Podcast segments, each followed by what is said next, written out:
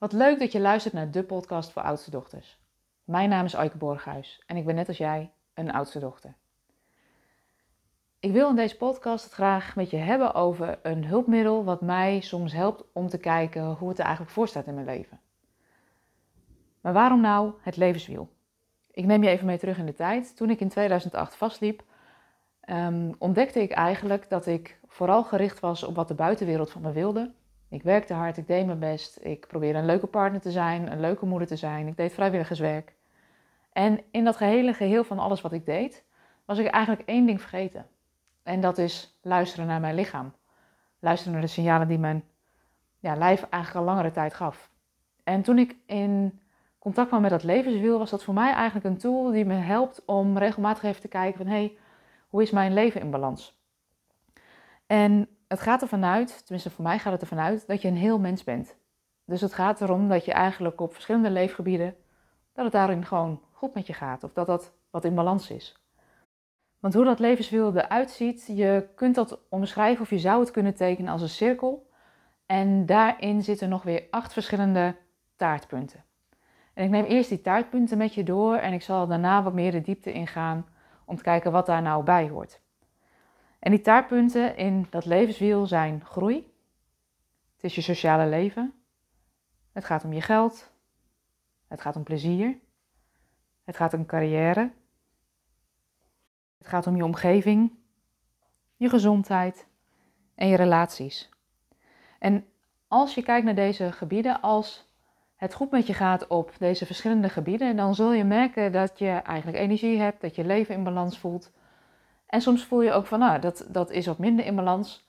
En dat is niet erg, maar het feit dat je je bewust wordt van, hé, hey, waar stroomt het wel en waar stroomt het niet, maakt dat je wat anders kan doen. En ik zal je even meenemen in hoe dat eruit ziet. Want als je het hebt over groei, waar heb je het dan eigenlijk over? Mijn beleving heb je het dan over je persoonlijke en je spirituele ontwikkeling.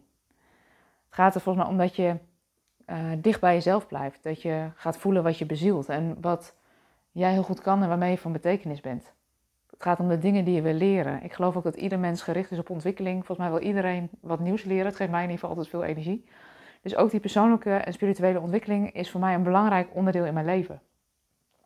Het gaat ook om je sociale leven. We hebben dat het afgelopen jaar ook gemerkt in die coronapandemie.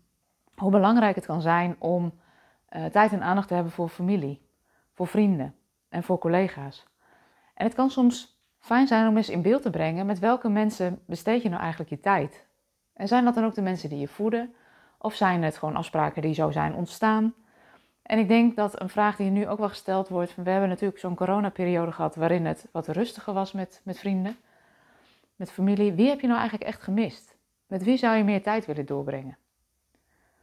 Als je het hebt over geld, we zeggen wel eens ja, geld is niet zo belangrijk, geld maakt niet gelukkig. Maar in mijn ervaring is het wel zo dat als er voldoende geld is, dat het in ieder geval een heel stuk zorgen wegneemt. Dus hoe staat jouw financiële gezondheid er eigenlijk voor? Verdien je geld genoeg om lekker te kunnen leven of is het iets waar je af en toe zorgen over maakt? En dit is bijvoorbeeld een levensgebied waar we vaak onze kop in het zand steken. Tenminste, ik heb dat zelf lang gedaan. Dat ik dacht, oh, geld is niet belangrijk. Maar ik weet nu dat geld ook dingen mogelijk maakt. Als ik bijvoorbeeld in mijn bedrijf weet hoe ik er financieel voor sta, weet ik of ik bepaalde investeringen wel of niet kan doen. Het feit dat ik weet dat ik mezelf gewoon salaris kan uitbetalen iedere maand, al een tijd lang, geeft gewoon heel veel rust. Dus het is vaak belangrijk om je financiële gezondheid ook in kaart te brengen. Je financiële gezondheid in kaart brengen kan ook te maken hebben ehm, met dat je weet of een stap die je zou willen zetten wel of niet mogelijk is. Als ik kijk in 2019, ehm, het jaar voor corona, heb ik met mijn gezin een wereldreis gemaakt naar Australië. We zijn daar zes, zes weken geweest. Het was echt een fantastische ervaring. En heel lang heb ik gedacht, ja dat kan allemaal niet, financieel lukt dat niet. Maar pas toen ik me bewust werd van dat dat een droom was die ik eigenlijk heel graag wilde laten uitkomen, ben ik gaan onderzoeken van wat kan ik nou doen om wel uh, die stap te zetten. En zo bleek ook dat het uiteindelijk haalbaar was om met z'n allen naar Australië te gaan met z'n viertjes. Het was echt een fantastische ervaring. Die herinnering neemt niemand me weer af. Maar ook op het moment dat ik uh, de baan in loondienst had bij de gemeente nog en ondertussen ook voelde, hé, hey, mijn bedrijf begint lekker te lopen, ik zou daar meer ruimte voor willen. Door inzichtelijk te maken hoe mijn financiën ervoor stonden, kon ik op dat moment ook verantwoord mijn baan opzeggen. Ik wist dat ik de vaste lasten op de gezamenlijke rekening nog een tijd kon betalen. En dat gaf heel veel ruimte. Dus ook zicht hebben op hoe financieel gezond ben je eigenlijk, geeft rust. Wat ook een belangrijk is, is plezier. Hoeveel ruimte ervaar jij in je leven voor creativiteit en voor plezier? En veel oudste dochters zijn best wel serieus en stellen dat plezier nog wel eens uit tot alles voor iedereen gedaan is.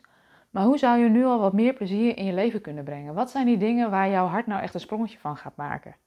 Welke creatieve dingen wil je misschien nog oppakken of doen? En wat is er voor nodig om daar een eerste stap in te zetten? Dus het in beeld brengen van ook dit gebied is waardevol. Een volgende is ook je carrière. En dat kan gaan over een baan in loondienst, het kan gaan over je eigen bedrijf. Hoe staat het er eigenlijk voor in je carrière? Zit je nog op de goede plek? Of voel je misschien wel van, goh, ik zou toe zijn aan een volgende stap, maar ik weet niet zo goed waar ik moet beginnen. Dat in beeld hebben of, uh, ja, of daar zicht op hebben, kan al betekenen dat je eens om je heen kan gaan kijken. Van hé, hey, ik merk dat ik nou, na, na een bepaalde tijd wel toe ben aan wat nieuws. Nou, laat ik het eens gaan onderzoeken. Wat ook een belangrijk is, is je omgeving. Hoe ziet jouw huis eruit? Hoe ziet jouw thuis eruit? Ga je regelmatig de natuur in? Voelt je huis als een fijne plek om te zijn? Of zou je daar nog wel wat andere dingen in willen veranderen of aanpassen?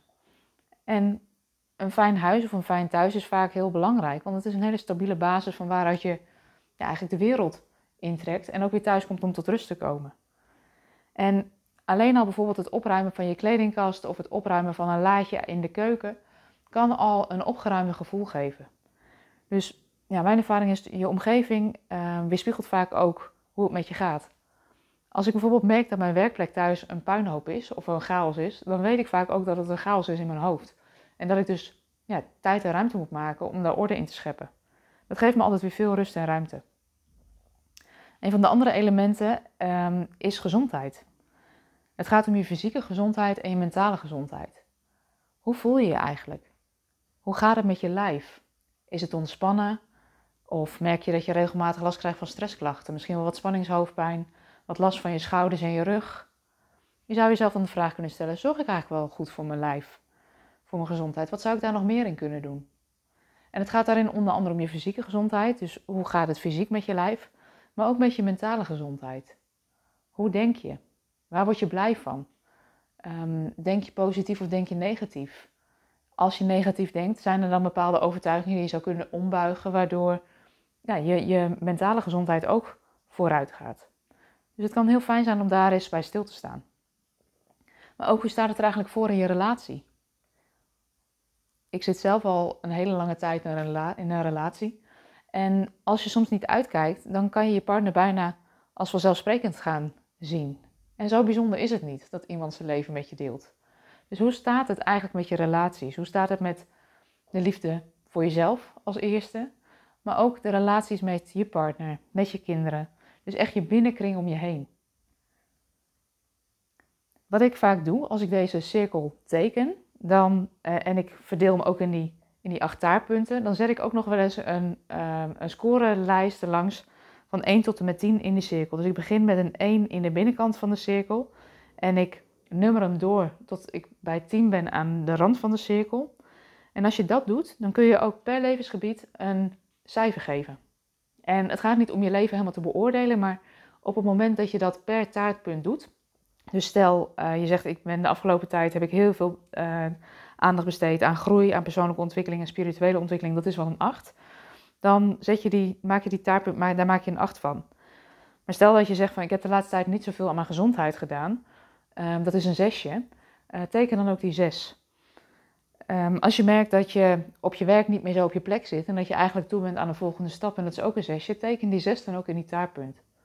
En wat je gaat doen als je dan ook die taartpunt inkleurt, of dat kan, dat kan je ook asserend doen, dan wordt eigenlijk heel snel helder van waar, um, in welke levensgebieden zou je nog wat extra tijd en aandacht mogen besteden.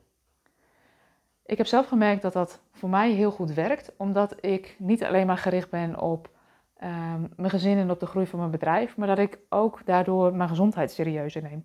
Dat ik ook meer tijd en ruimte vrijmaak voor mijn sociale leven. Dat ik de financiële kant van de zaak ook serieus ben gaan nemen. Dat ik meer ruimte maak voor plezier, voor creativiteit en voor um, ja, lol maken met elkaar. Dus het in beeld brengen van hoe sta je ervoor in dat levenswiel kan je helpen om te kijken, nou, welke knoppen zou ik wel eens iets willen draaien? Waar zou ik um, een verandering teweeg kunnen brengen. En kijk dan of je dat zou kunnen doen. En niet omdat het nog iets is wat erbij komt op je to-do-lijst, maar juist omdat je um, zult merken dat het je wat meer in balans brengt als je dit gaat doen. Nou, dit is wat het levenswiel voor mij doet. Als ik af en toe eens um, ja, reflecteer op hoe het met me gaat, hoe het, ja, hoe het ervoor staat. En ik denk dat het ook waardevol kan zijn voor jou om het dus op deze manier in kaart te brengen. Nou merk je dat het levenswiel uit balans is en dat je voelt dat je wel wat stappen zou willen zetten. Weet dat we je graag helpen. Dus stuur gerust een berichtje. Dat kan via de website www.oudstedochter.com.